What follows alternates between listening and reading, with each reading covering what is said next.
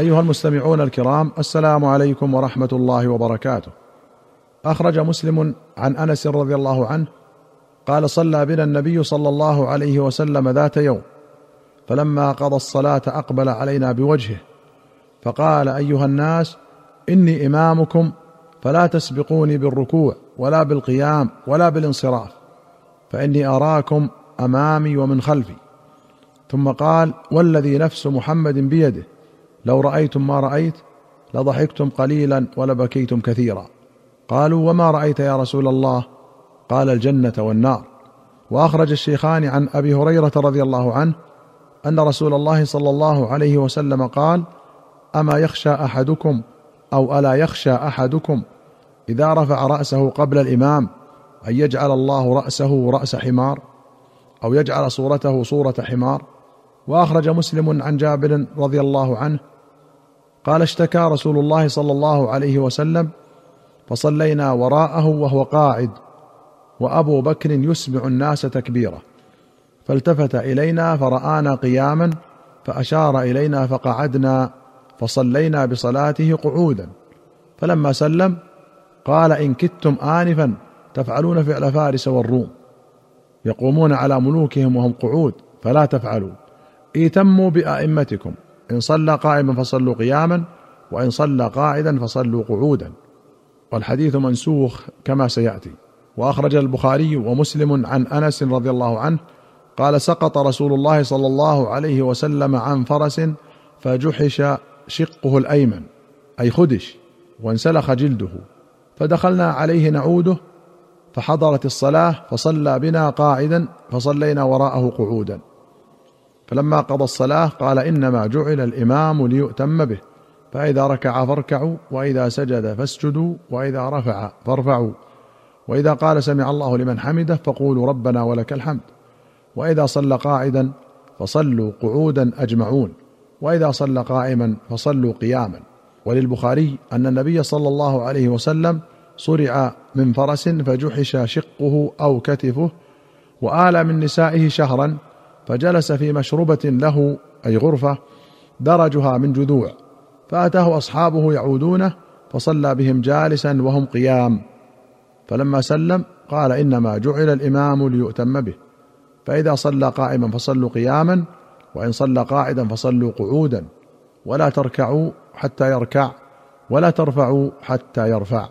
قال البخاري قوله إذا صلى جالسا فصلوا جلوسا هو في مرضه القديم. وقد صلى في مرضه الذي مات فيه جالسا والناس خلفه قيام لم يأمرهم بالقعود وإنما نأخذ بالآخر فالآخر من أمر النبي صلى الله عليه وسلم. وأخرج البخاري عن أبي بكرة رضي الله عنه أنه انتهى إلى النبي صلى الله عليه وسلم وهو راكع فركع قبل أن يصل إلى الصف فذكر ذلك للنبي صلى الله عليه وسلم فقال زادك الله حرصا ولا تعد. احتج بهذا الحديث من يجيز صلاة المنفرد خلف الصف وحمل ما يخالفه على الكراهة وعدم الكمال لا على التحريم والبطلان والله أعلم. وأخرج البخاري ومسلم عن أبي موسى رضي الله عنه أن رسول الله صلى الله عليه وسلم قال أعظم الناس أجرا في الصلاة أبعدهم إليها ممشا فأبعدهم والذي ينتظر الصلاة حتى يصليها مع الإمام أعظم أجرا من الذي يصلي ثم ينام. وأخرج مسلم عن أبي بن كعب رضي الله عنه قال كان رجل من الأنصار لا أعلم أحدا أبعد من المسجد منه وكانت لا تخطئه صلاة مع رسول الله صلى الله عليه وسلم.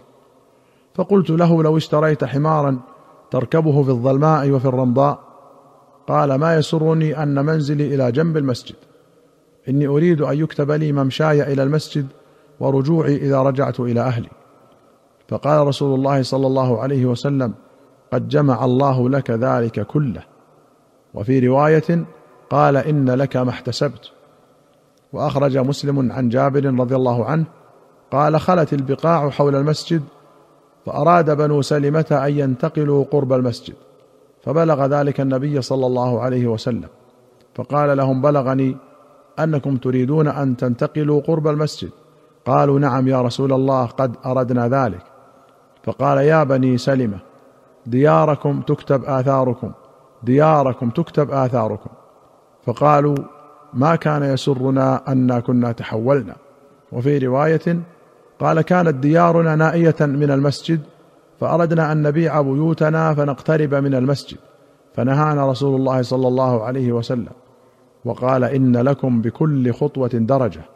وأخرج الشيخان عن أبي هريرة رضي الله عنه قال سمعت رسول الله صلى الله عليه وسلم يقول سبعة يظلهم الله في ظله يوم لا ظل إلا ظله الإمام العادل وشاب نشأ في عبادة الله عز وجل ورجل قلبه معلق بالمسجد إذا خرج منه حتى يعود إليه ورجلان تحابا في الله اجتمعا على ذلك وتفرقا عليه ورجل دعته امرأة ذات منصب وجمال فقال إني أخاف الله. ورجل تصدق بصدقة فأخفاها حتى لا تعلم شماله ما تنفق يمينه. ورجل ذكر الله خاليا ففاضت عيناه. وأخرج الشيخان عن أبي هريرة رضي الله عنه أن النبي صلى الله عليه وسلم قال من غدا إلى المسجد أو راح أعد الله له نزلا في الجنة كلما غدا أو راح. وأخرج مسلم عن أبي هريرة أن النبي صلى الله عليه وسلم قال من تطهر في بيته ثم مضى إلى بيت من بيوت الله ليقضي فريضة من فرائض الله كانت خطوتاه إحداهما تحط خطيئة والأخرى ترفع درجة. وأخرج البخاري ومسلم عن أبي هريرة رضي الله عنه أن النبي صلى الله عليه وسلم قال صلاة الرجل في الجماعة تضعف على صلاته في بيته وفي سوقه خمسا وعشرين ضعفا. وذلك أنه إذا توضأ فأحسن الوضوء ثم خرج إلى المسجد لا يخرجه إلا الصلاة لم يخط خطوة إلا رفعت له بها درجة وحط عنه بها خطيئة. فإذا صلى لم تزل الملائكة تصلي عليه ما دام في مصلاه اللهم صل عليه اللهم ارحمه اللهم اغفر له اللهم تب عليه. ما لم يحدث فيه ولا يزال أحدكم في صلاة ما انتظر الصلاة. وفي رواية ما كانت الصلاة تحبسه. لا يمنعه أن ينقلب إلى أهله إلا الصلاة. وفي أخرى تفضل صلاة الجميع صلاة أحدكم وحده بخمس وعشرين جزءا. وتجتمع ملائكة الليل وملائكة النهار في صلاة الفجر. ثم يقول أبو هريرة اقرأوا إن شئتم وقرآن الفجر إن قرآن الفجر كان مشهودا. ولمسلم أن النبي صلى الله عليه وسلم قال صلاة مع الإمام أفضل من خمس وعشرين صلاة يصليها وحده. وأخرج مسلم عن عثمان بن عفان رضي الله عنه قال سمعت رسول الله صلى الله عليه وسلم يقول من صلى العشاء في جماعة فكأنما قام نصف الليل ومن صلى الصبح في جماعة فكأنما صلى الليل كله. وأخرج مسلم عن أبي هريرة رضي الله عنه قال أتى النبي صلى الله عليه وسلم رجل أعمى فقال يا رسول الله إنه ليس لي قائد يقودني إلى المسجد. فسأل رسول الله صلى الله عليه وسلم أن يرخص له فيصلي في بيته فرخص له فلما ولى دعاه فقال هل تسمع النداء بالصلاة؟ قال نعم. قال فأجب. والسائل الأعمى هو ابن أم مكتوم رضي الله عنه كما جاء عند أبي داود وغيره. وأخرج البخاري ومسلم عن أبي هريرة رضي الله عنه أن النبي صلى الله عليه وسلم قال أثقل صلاة على المنافقين صلاة العشاء وصلاة الفجر ولو يعلمون ما فيهما لأتوهما ولو حبوا. ولقد هممت أن آمر بالصلاة فتقام ثم آمر رجلا فيصلي بالناس ثم أنطلق معي برجال معهم حزم من حطب إلى قوم لا يشهدون الصلاة فأحرق عليهم بيوتهم بالنار. وللبخاري قال فأحرق على من لا يخرج إلى الصلاة يقدر. قوله يقدر أي وهو يقدر على الخروج. ورويت يعذر أي لا عذر له في ترك الخروج. ورويت بعد أي بعد النداء.